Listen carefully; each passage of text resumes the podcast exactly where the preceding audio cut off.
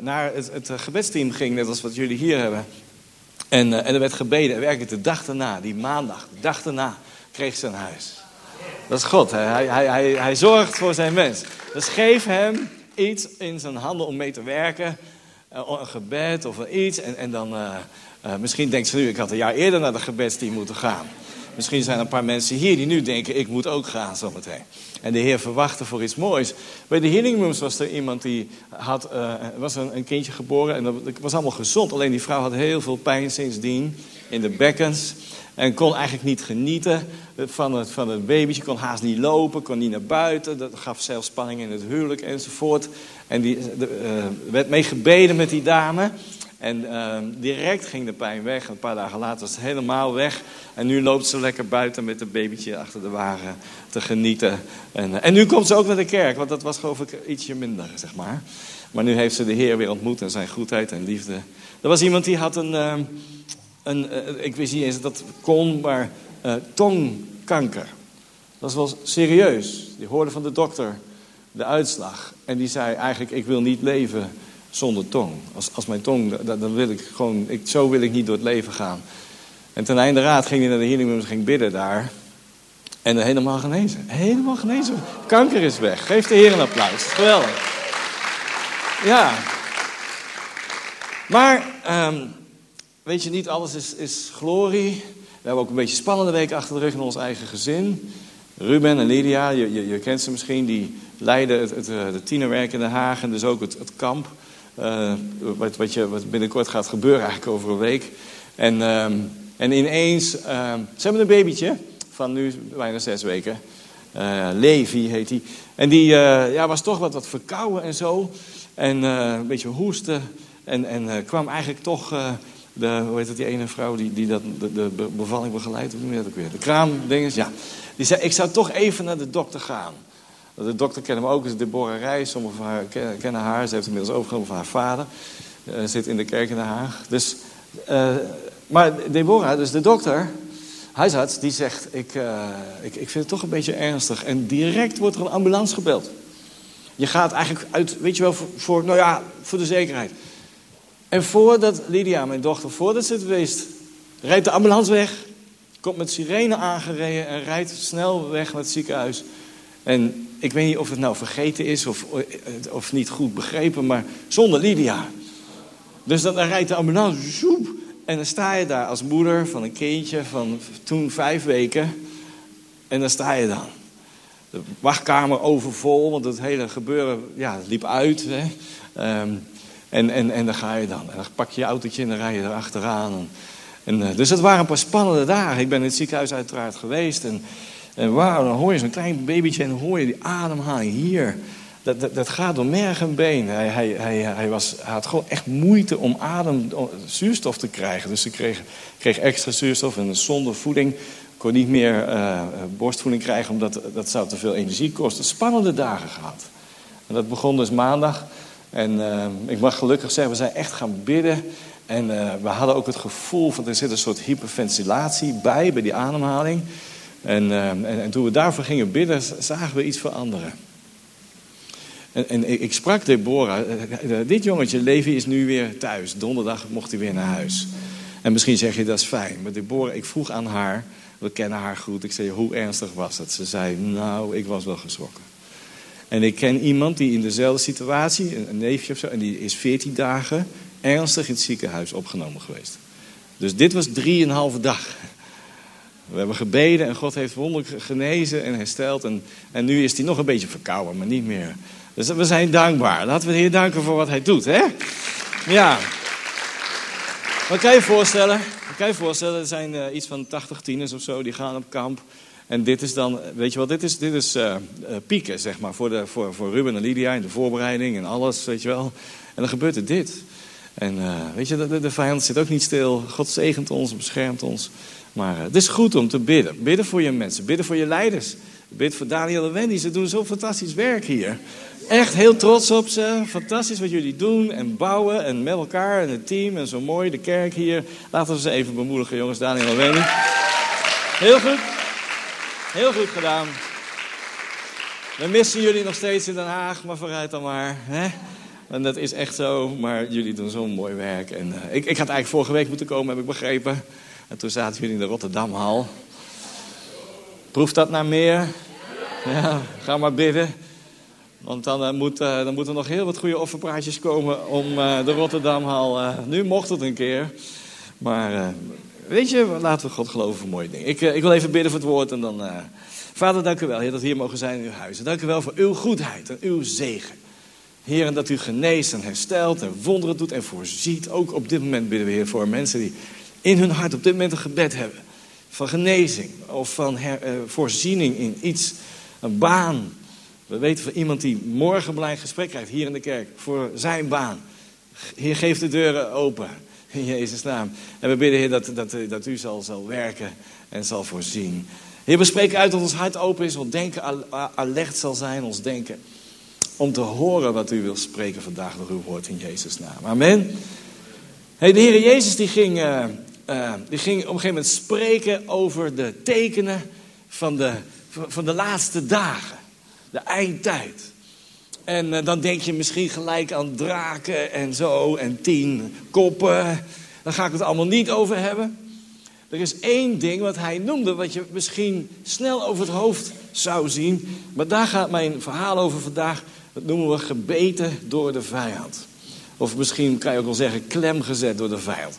En dat zijn we niet, maar wie weet dat de Heer nog iets tegen je wil zeggen. In, in Matthäus 24, vers 10. Ik wil het hebben over, in het Engels heet het offended. En in het Nederlands heb je allerlei woorden, maar het, het, komt niet, vind ik, helemaal precies bij, je zou kunnen zeggen, gekwetst, verongelijkt, beledigd. Je zou kunnen zeggen, in het verkeerde keelgat geschoten. Aanstoot, zegt de Nederlandse Bijbel vaak, aanstoot genomen. Uh, gegriefd, offended. En ik weet dat heel veel hier praten ook gewoon Engels, toch? Dus ik, ik heb begrepen, als je hier een, een eh, Engels spreker hebt, dan, dan, vertaal je niet eens. Dus dat, dat lukt goed. Ik, ik, ga een paar het Engels en Nederlands door elkaar doen vandaag. Omdat ik de New King James vind ik het mooiste, uh, duidelijkste naar voren komen. Dus lees even met me mee, vers 10 in Matthäus 24. En dan zegt hij, and many of them will be offended.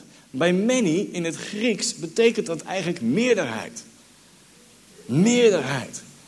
Heb je ooit begrepen dat een teken van de laatste dagen, van de eindtijd, niet alleen draken en tien koppen en zo is, maar dat de meerderheid, en we gaan kijken, dit gaat over christenen, gelovigen, offended zullen zijn. Dat is wel iets om over na te denken. Daar willen we naar, naar kijken vandaag. Many will be offended, they will betray one another and they will hate one another. Nou, ik ga er nog een beetje op inzoomen, maar dat zijn als het ware drie stappen. Eerst offended, je ergert je ergens aan, je, aan iemand, aan iets. En je, je begint een verkeerde keelgat, het begint, uh, je begint aanstoot te nemen. Het tweede wat er dan gebeurt, als dat begint te groeien, want dat groeit in ons hart. Wat, wat er dan gaat gebeuren, is dat je betray, is een soort verraad, een soort, dat, je, gaat, je gaat dingen doen of zeggen of juist niet en het derde is, als dat blijft groeien in ons hart, dan komt er haat. Dan en het, daar, de Griekse woord wat daar wordt gebruikt, is eigenlijk, kan je vertalen met de afwezigheid, het gebrek van liefde. En als er geen liefde is, dan groeit haat. Als, als liefde afwezig is, dan is onze natuur als mens, ja, dan hou je het andere over. Dat begint te groeien. Dus ik, ik, nog een keer. Many of them will be offended. They will betray one another and will hate one another. And then many false prophets will rise up and deceive many. vele mensen die, die opstaan. Bijbel, Jezus hier spreekt over valse profeten die mensen gaan misleiden. And because lawlessness will abound. Wetteloosheid, the love of many will grow cold. Zie je dat hier een, een, een, een progressie is? Of misschien moet ik het zo doen. Dat, dat, er komen mensen die gaan dingen zeggen waardoor degenen die offended zijn, misleid worden. En daardoor groeit hun liefde koud. But he who, en dan zegt de Heer, daarom weten we dat dit over christenen gaat. Je denkt misschien, dat gaat over niet-christenen. De, de, de, de wereld zal, de, de liefde zal verkidden, zeggen wij. In, in de wereld, nee, nee, nee, dit gaat allemaal over christenen. Het woord liefde hier in het Grieks is agape. Dat is de gevende liefde die wij van God krijgen, die de wereld niet eens kent. Maar als je nog niet overtuigd bent, lees de volgende regel. But he who endures to the end will be saved. Dat gaat over christenen. Dat gaat niet over de wereld, gaat niet over. Maar in de wereld verwachten we dat dingen tegenvallen. In de wereld verwachten we dat situaties zullen zijn met mensen. Maar onderling, de christ, dit gaat over de kerk, dit gaat over jou en mij. Mensen die aanstoot nemen. En dan staat er maar wie volhardt tot het eind, die zal gered worden. And this gospel of the kingdom will be preached all over the world as a witness to all nations. In de Statenvertaling staat er dan zullen velen geërgerd worden. En ze zullen elkaar overleveren. Gaan spelletjes spelen met situaties en mensen. Er komt verdeeldheid en elkaar haten. En vele valse profeten zullen opstaan, zullen velen verleiden. Zie je hoe, hoe daar. Dus ik, ik wil eerlijk kijken naar mijn hart en jij, jouw eigen relatie met God. Is er iets? Is er, en ik, ik ga je zoiets vertellen over mijn eigen leven. Is er iets, Heer, waar ik op moet letten? Waar ik, uh, waar ik mee moet afrekenen, waar ik mee naar u toe moet? Want anders gaat het groeien. Als aanstoot of erg of iets, of, dan begint er afstand te komen. En als afstand begint te groeien, wordt mijn liefde kouder. En als liefde kouder wordt en begint af te nemen, groeit haat en boosheid in mijn hart. In Spreuken 18, vers 19, de New King James weer. A brother offended is harder to win than a strong city.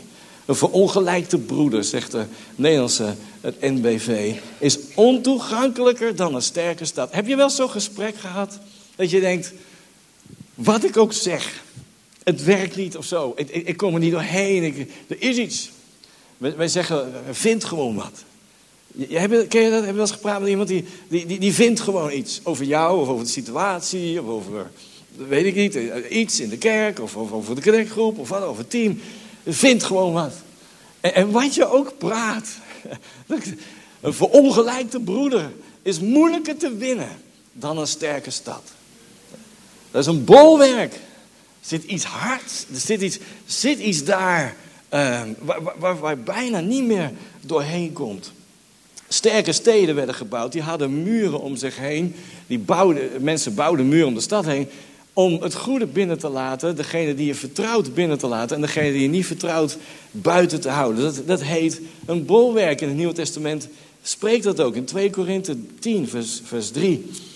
Want al leven we naar het vlees, we trekken niet ten strijde naar het vlees. Want de wapenen van onze veldzucht zijn niet vleeselijk, maar krachtig voor God tot het slechte van bolwerken. Deze heb je vast vaker gehoord. Zodat we de redeneringen, want het begint allemaal hier in de redeneringen. In de redeneringen. Je ziet soms, iemand is dan, wij zeggen, aan het stapelen. Want als je eenmaal een bril op hebt van aanstoot, van ergernis, dan ga je steeds meer zien voor je gevoel. Steeds meer. Het begint te stapelen. In het bedrijfsleven is het trouwens net zo. Wij hebben iemand die werkt bij Shell. Die zei eerder, wij noemen het zegeltjes sparen. Je ziet ze gewoon, een collega, nog eens, oh dat ook, ja, nu ik er nog eens over nadenk, dat eigenlijk. Dat is aanstoot, dat is, daar begint een bolwerk te komen in het denken van mensen. En zoals we net al zei, uh, weet je, uh, het, het, is niet, het is niet hoe God werkt. Want God is liefde. En, en liefde wil altijd geven en geven, toch?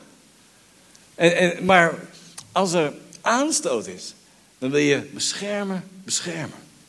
Herken je dat? Nou, ik hoop niet dat je het herkent, maar misschien een buurman ergens, iemand. In een andere kerk, hè, natuurlijk. Afschermen, afschermen. En er begint een stukje isolatie te komen. Er begint een stukje, er is geen emotie meer. De Bijbel zegt, de Heer Jezus zegt, het zal een teken zijn. Ik weet niet of we er blij mee moeten zijn, maar hij waarschuwt ons. Een teken van de laatste tijd, van de laatste dagen. En daar waar uh, aanstoot is, komen wat Jezus noemt de valse profeten. En daar begint misleiding. Misleiding begint waar aanstoot aan het groeien is. Waar een bolwerk en een muur begint te komen. Dat je denkt, eh, hij is nog moeilijker te bereiken dan een sterke stad. En daar begint misleiding. Zo, zo belangrijk is uh, dat wij voor onszelf goed kijken van... Heer, is er nog iets wat u, uh, wat u wil laten zien in mijn leven? En straks zal ik je nogmaals iets vertellen over mijn eigen... Ik, ik, zou zoiets niet durven spreken als ik dat niet zelf ook heb meegemaakt, uiteraard, in mijn eigen, in mijn eigen leven. De Bijbel spreekt over... Als je praat over misleiding en als je praat over valse profeten... Dat is natuurlijk wel een heel zwaar woord, maar de Bijbel spreekt over wolven in schaapskleren. Dat hebben we wel gelezen, hè? Wolven in schaapskleren. En wij, jij en ik, als je niet uitkijkt, wij denken dat de wolven, als die er zijn, in, herderskleren. Veel christenen denken aan misleiding vanaf achter de pulpit, waar ik hier sta. Maar de Bijbel spreekt over onder de schapen. Wolven in schaapskleren, niet wolven in herderskleren. Dat scheelt weer, Daniel. Scheelt weer. Want dat is, dat is, ook dat is soms, weet je wel, een misleiding. Ja, de spreken zussen, die voorganger daar. Maar de Bijbel zegt, er gebeurt iets onder de schapen, onderling. Er zijn wolven die zien eruit als schapen. Maar wat doen wolven? Ze zijn altijd in een groep. Ze zijn altijd in een groep. Ze trekken op in een groep. Pastor Brian heeft een tijdje geleden gesproken over who is on the invitation list. Wie zit er in zo'n groep? En wat doen die wolven? Die pakken één schaap. En, en beginnen dat te isoleren. Lief schaapje van de Heer Jezus. Er is veiligheid in de kudde. Ben je het met me eens? Er is veiligheid in de kudde. Geplant in het huis van de Heer, Psalm 92, zullen ze groeien en vrucht dragen. Maar hier begint iets te ontstaan van isolatie, van apart. En als die wolven dat zien, als ze één schaap, een zwakker schaap, apart kunnen nemen, dan is het, in het Engels heet het meat for the table. Dan komt er een moment dat ze aanvallen en dan is het eet smakelijk. Zielig, hè? Jullie kijken naar mij. Zielig, hè? Maar er gebeurt iets onder die schapen onderling. In uh, Spreuken 18, vers 1 staat: De eenzelvige zoekt zijn eigen begeerte. Hij barst los tegen al wat verstandig is. Dit is iemand die, die begint geïsoleerd. Als je, je hebt elkaar nodig. Je hebt de gemeente nodig. Je hebt het lichaam van Jezus nodig. Om die bescherming is in de kudde. Het begint in je denken. In Matthäus 24 hebben we net gelezen. Because lawlessness will abound, the love of many will grow cold. Daar staat een, een, eh, een woord in het Grieks, die wetteloosheid. Ik zal het wel verkeerd uitspreken, vergeef me. Maar uitspraak, amnonia. En dat betekent letterlijk niet onderworpen aan Gods autoriteit. Daar waar iemand op zichzelf gaat en niet, niet meer God volgt en begint zich af te zonderen, daar ben je, daar ben je kwetsbaar. Hier in de psalmen, niet zo lang geleden las ik deze weer, psalm 55. En ik denk, als je wat langer meeloopt, weet je wel, we hebben allemaal een verhaal en, uh, en, ervaringen. Hele mooie dingen, maar ook wel eens dit soort dingen. Zoals hier staat wat uh, David zegt op psalm 55 vers 12. En dan staat er, weet je, degene die jou het meest pijn doet... als het gaat over offense en, en, en aanstoot... zijn degenen die dicht bij je staan. Toch? Iemand ver weg aan het eind van de straten zal je niet zo. Maar iemand in de kerk, iemand misschien in je team, in je connectgroep, daar, daar, raakt het je het meest. En hier staat het. David beschrijft dat hij zei: Want het is geen vijand die mij smaadt, dat kan ik dragen. Het is niet mijn hater die zich over mij verheft. Voor hem zou ik me verbergen. Weet je, iemand die mij haat, een, een vijand. Ik weet, oké, ja, wij worden het nooit eens. Maar, gij zijt het, een mens, mijn gelijke, mijn vriend en vertrouwde. Wij die samen eh, vertrouwelijke omgang genoten. Die in het feestgewoel gingen naar Gods huis. David zegt, het was zo pijnlijk omdat we samen optrokken. We waren samen in Gods huis. We waren samen bezig. Vertrouwd. Bevriend. Daarom raakt het mij zo diep. Het was een vijand had ik kunnen dragen. Maar een echte vriend. En daar begint pijn. En daar begint, uh, daar begint aanstoot als niet uitkijken. Nou, dan kan je afvragen, mag ik aanstoot hebben, ja of nee? Je mag alles. Ja, je mag met Jezus leven of niet. God, God heeft ons een vrije keus gemaakt. Maar ik, ik gegeven. Maar ik, ik, ik, denk dat als je, als je wil wandelen met God, als je wil groeien in relatie met Hem, dan heeft aanstoot geen plek in, in je hart. En weet je, er staat een verhaal in Matthäus 18 over vergeving. Want daar begint natuurlijk ons antwoord op aanstoot. Vergeving. En dan zegt Petrus, als ik mijn broeder Zeven keer vergeef. Hoe vindt u dat? En daar hadden we gedacht, Petrus zou denken, dan zegt Jezus tegen mij, zalig ben je Simon Barjona, want dit heeft God je geopenbaard. Maar dat zei Jezus niet. Jezus zei, nee, nee, 70 keer 7, dat is 490 keer, dat is symbolisch voor altijd. Ongoing. Blijven vergeven, blijven vergeven, blijven vergeven. Weet je, beetje iets over mijn eigen verhaal. Ik was toen ik, ik, was, ik, ik had uh, nog niet leren kennen, dus ik was ongeveer twintig. 21. En mijn plan was om naar de Bijbelschool te gaan bij Jeugd van de Opdracht, Youth of the Mission, in Brussel. En ik zou daar uh, een half jaar DTS doen en daarna uh, twee jaar lang bijtekenen voor Urban Missions. Ik had toen ook al Urban Missions in mijn hart nog steeds, maar dat is wat God toen al, weet je wel, ik hou van de steden en ik hou van, uh, van mooie dingen. We hebben, dat heb je gehoord, hè, van Breda, hebben we gehoord van Breda? Ja, hè? goed, hè. Vandaag, straks zijn de mannen, de voorgangers mannen, dus ook Daniel en de, de, de mannen van, van de voorgangers van de kerken in Breda. En dan een nachtje in Breda en morgenavond gaan we weer naar huis. Af en toe doen we dat even de kerels bij elkaar.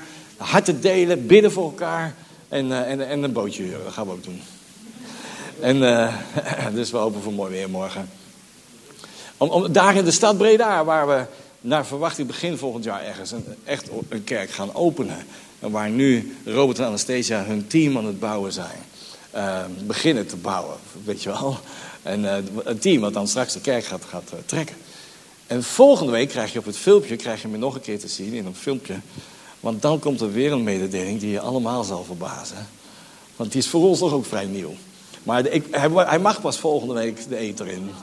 Ja, ik, ik, ik, heb beloofd. Dat sommige mensen heel dichtbij weten het zelf nog niet eens. Dus ik, ik, moet, ik moet netjes blijven. Moet netjes blijven.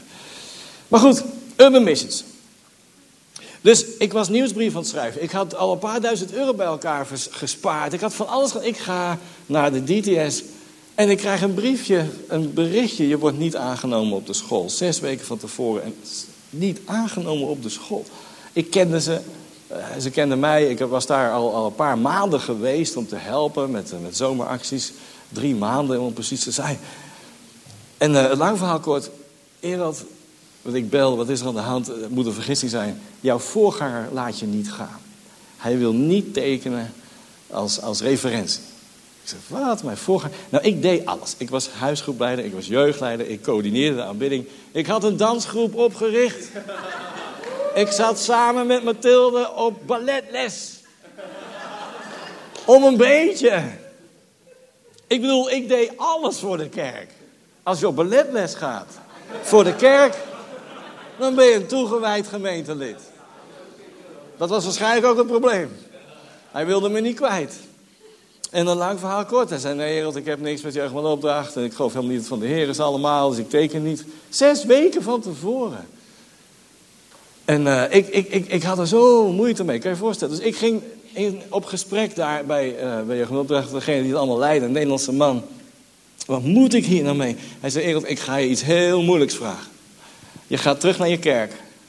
Je blijft in je kerk. Je gaat niet zeggen, de Heer zegt tegen mij dat ik nu een andere... Nee, de Heer zegt niks. De Heer zegt, je blijft in je kerk. Je gaat niks neerleggen. Geen enkele taak. Je gaat niet een sabbatical doen. Je gaat niet, de Heer zegt tegen mij even... Je blijft alles doen. Je blijft je voorganger dienen. En je begint er niet eens over. Jij gaat gewoon God zoeken. En, en, en hij, als je hier doorheen komt, zei hij... Geen aanstoot. En dat zal moeilijk voor je zijn. Daar zal je een paar maanden voor nodig hebben dan leer je meer dan alle studenten bij elkaar. Letterlijk tegen me gezegd.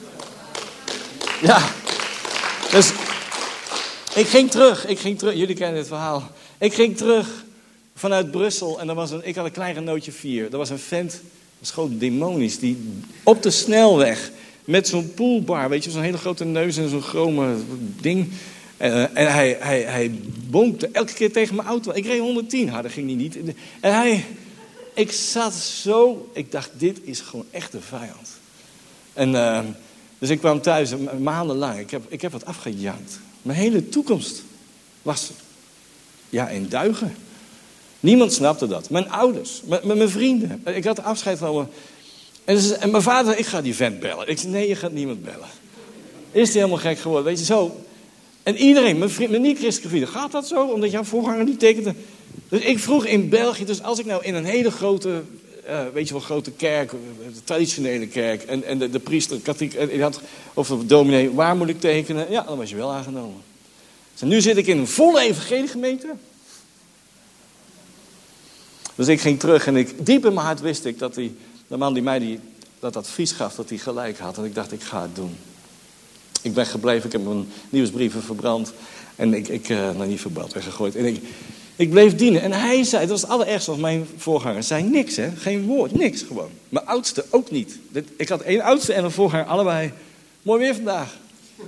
En ik dacht, man, kan je een beetje voorstellen wat hier allemaal gebeurde? Hoeveel tranen. Ik heb zitten janken thuis. Heer, ik wil hier doorheen.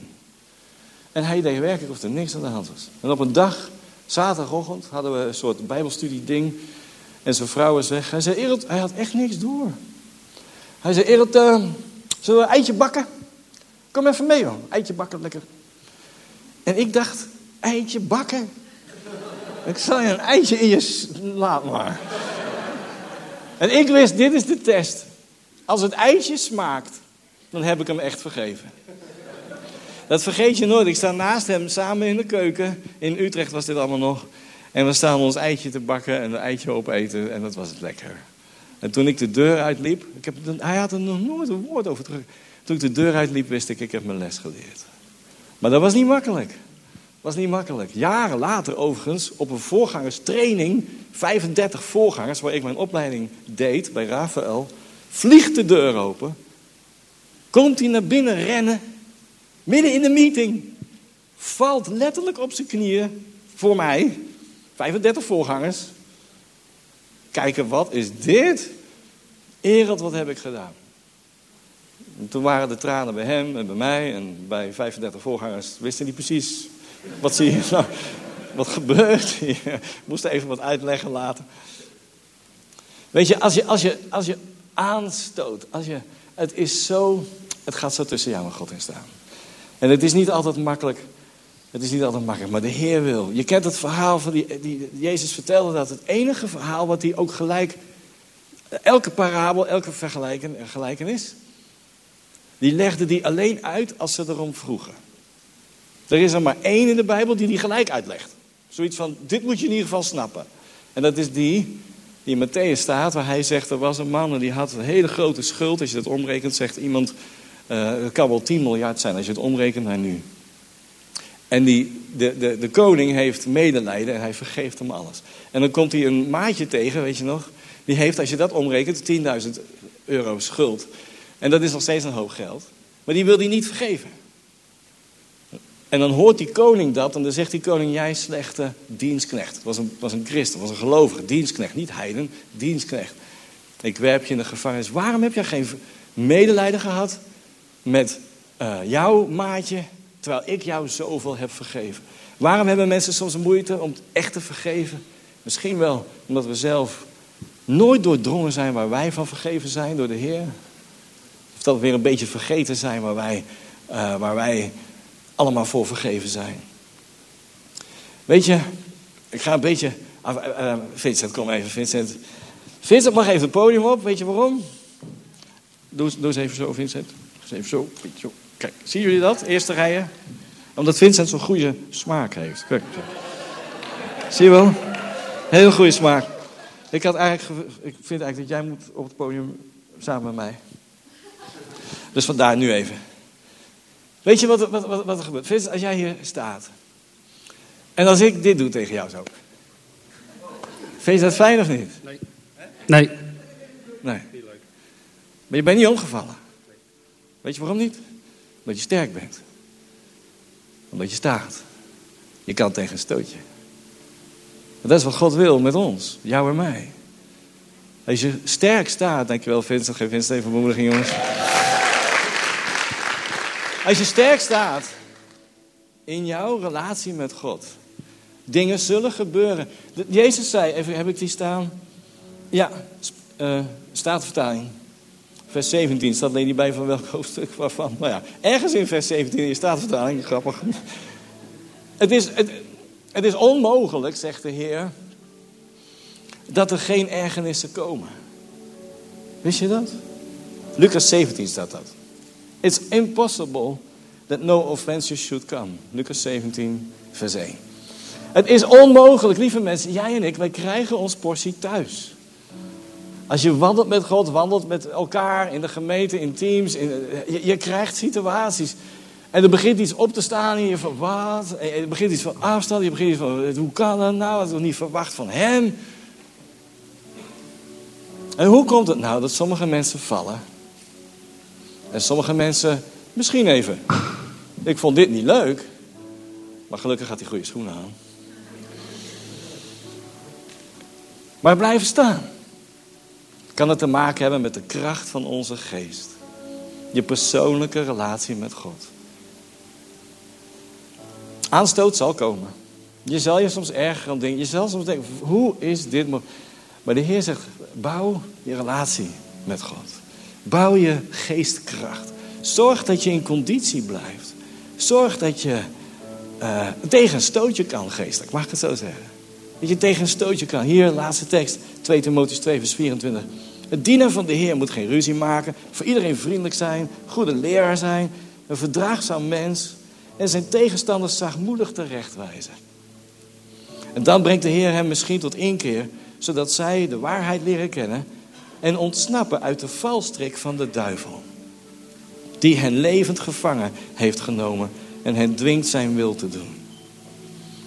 Wat we net lazen in Lucas 17 vers 1 daar, en in dit stukje hier in Timotheus, daar wordt een woord gebruikt in het Grieks. Ik probeer een beetje mijn Grieks uit op jullie. Scandalon. Dat was een woord wat vroeger werd gebruikt voor een val. Voor een vogelvanger. Wat deed hij? Een klein valletje met een diertje erin, misschien een muis of zo. Met een, met een klem. Als er dan een vogel kwam om die muis te vangen, sloeg de klem los en zat die vogel vervangen. En zo vingen ze die vogels. Dat woord wordt gebruikt als de Heer praat over aanstoot. Daarom heet het een valstrik van de vijand, of een klem, of een, een beet van de vijand. De vijand heeft een plan met jou en mijn leven, net zo als Jezus het heeft. En zijn plan is, is om jou en mij in de val te laten lopen van aanstoot. Om, om je te isoleren. Een beetje apart, een beetje minder, een beetje. Daarom was. Dat, dat heeft mijn leven gered. Dat die man zei: Jij gaat niks neerleggen. Jij gaat gewoon de kerk dienen. Je blijft doen wat je doet. Want hij wist, ja, nu, nu, weet je wel, nu, nu kan je zeggen, ja, even niet, even Niet lang geleden zei ik, ik, ik, iemand, ja, ik ben een beetje kerkziek. Ik hou van de Heer, want ik ben een beetje kerkziek, hè. Kerkziek? Zorg goed voor je hart. Wat gebeurt er? Het is niet tussen mij en jou, maar die persoon zit niet bij ons. Dus ik, ik dacht, wat moet je nou? Een beetje kerkziek. Klinkt leuk, klinkt bijna populair. Maar ik hoor een, een, een klem, ik hoor iets van de vijand, ik hoor een grip. Hier in Timotheus staat het zo duidelijk. Dan brengt de Heer misschien tot één keer, zodat ze de waarheid zullen leren kennen. En ontsnappen uit de valstrik van de vijand. Die hen levend gevangen heeft genomen en hen dwingt zijn wil te doen. Boosheid, haat, afstand, isolatie. Het zijn allemaal dingen die niet bij jou en mij horen. En toen ik dit zat voor te bereiden, en ik heb jullie de korte versie verteld, jullie kennen de langere versie. Maar dat waren die momenten, en natuurlijk heb ik nog wel een paar van die momenten gehad in mijn leven. Je moest kiezen, diep kiezen voor vergeving. En de, Heer zegt dat, bid. Hij zei niet bid voor je moeder, hij zei bid voor degene die jou verkeerd behandelen. Ja toch? Je mag bidden voor je moeder, maar voor je... En, en ik moest bidden en ik moest bidden. Oh Heer, ja Heer, vergeef, vergeef, Heer, vergeef. En uh, ja Heer, zegen, zegen. Maar eigenlijk, er zat geen kracht. Dat God zegt, ik wil dat je bidt. Serieus bidt. En dan ga je bidden. En zeg, Heer, zegen hem. Mijn voorganger, laatste kerk groeien. Geef hem zalving, geef hem zegen, geef hem vrucht, geef hem vreugde. En dat komt uit het diepst van je tenen. Geloof je dat? op zo'n moment. Om zo te moeten bidden voor degene die jouw hele toekomst heeft geblokkeerd op dat moment. En uh, ik moest het leren. Het was niet makkelijk. Maar achteraf denk ik, ja, ik had die les. Nou, ik weet niet of ik hem niet had willen missen. Maar weet je, gelukkig, God heeft er doorheen geholpen. Ik heb er zoveel van geleerd. De vijand had een klem klaarstaan. Weet je, de vijand is bang voor jouw toekomst. De vijand is bang voor jouw potentieel. Hij ziet je. Hij weet. Hij proeft. Hij kent niet alle plannen van God. Dat geloof ik niet. Maar hij proeft wel. Er is potentieel. Er is, oh, deze persoon gaat gevaarlijk worden. Voor het koninkrijk van de duisternis. En hij zal je proberen in de val te laten lokken. En ik hoop dat je, in de Engels staat het, dat je will escape the snare of the devil, having been taken captive by him to do his will. Het erge is dat in die tijd. Ik, ik was gewoon in de kerk. Hè. Niemand zag wat aan mij. Ik was gewoon aan het zingen, worship. En ik ging, weet je wel. Maar van binnen was er zo'n ding bezig.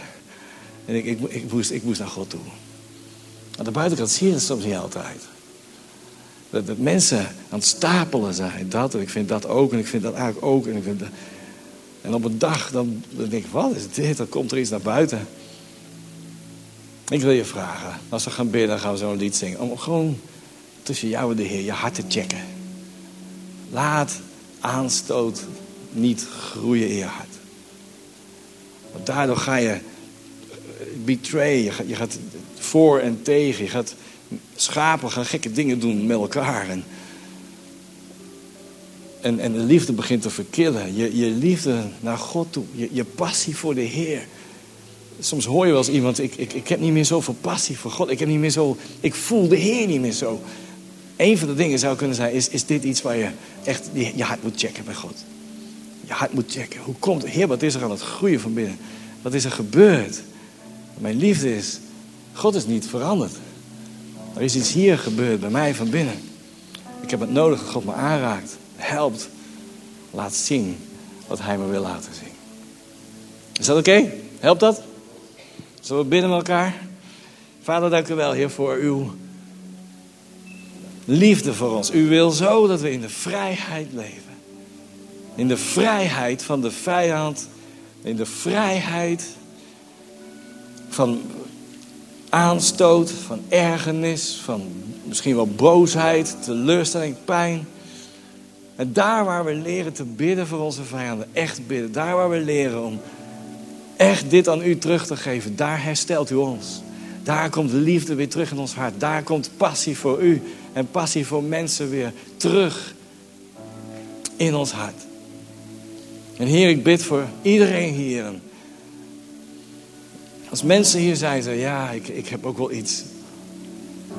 Ik, er is iets waar ik mee naar God toe moet. Ik moet vergeven op een dieper niveau. Ik moet, ik, ik moet het doorzien hoe de vijand me probeert te isoleren. Ik, ik, ik, ik zie het, God opent mijn ogen. Ik wil gewoon voor je bidden waar je zit op je stoel. In jouw, jouw relatie met de Heer. God is goed voor je, hij houdt van je. Er is geen veroordeling. Er is vrijheid in Christus. Is vrijheid. Jezus is gekomen je vrij te maken van alle veroordeling. En ga naar hem toe. Heer, dit breng ik bij u. Vergeef me. Help me te vergeven. Help me te wandelen met u. Dat mijn hart zuiver zal zijn. En dat er passie zal zijn en liefde. Voor u en voor de mensen in mijn kerk. Voor de mensen waar ik mee werk. Voor de mensen waar ik mee optrek. Heer, maak me vrij van elke vorm van aanstoot. En dank u wel, Heilige Geest, dat u zo de rijen langs gaat. En dat u ons helpt. Dat we doorzien, Heer, het plan van de vijand. Dat u ons op een hoger niveau tilt. Dat we mogen wandelen in uw vrijheid. In Jezus' naam. Sommige mensen hier, u vraagt ons om diep te vergeven. En sommige mensen hier denken, je weet niet wat mij is aangedaan. Maar God wil je helpen. Hij is bij je. En God wil je laten zien waar hij, hij heeft jou vergeven. Hij heeft jou vergeven van zoveel. En nu wil hij jou helpen om te vergeven. De mensen die in gedachten zijn. De situaties. Zodat jij weer vrij bent om hem te dienen. Met vreugde. In Jezus' naam. Amen.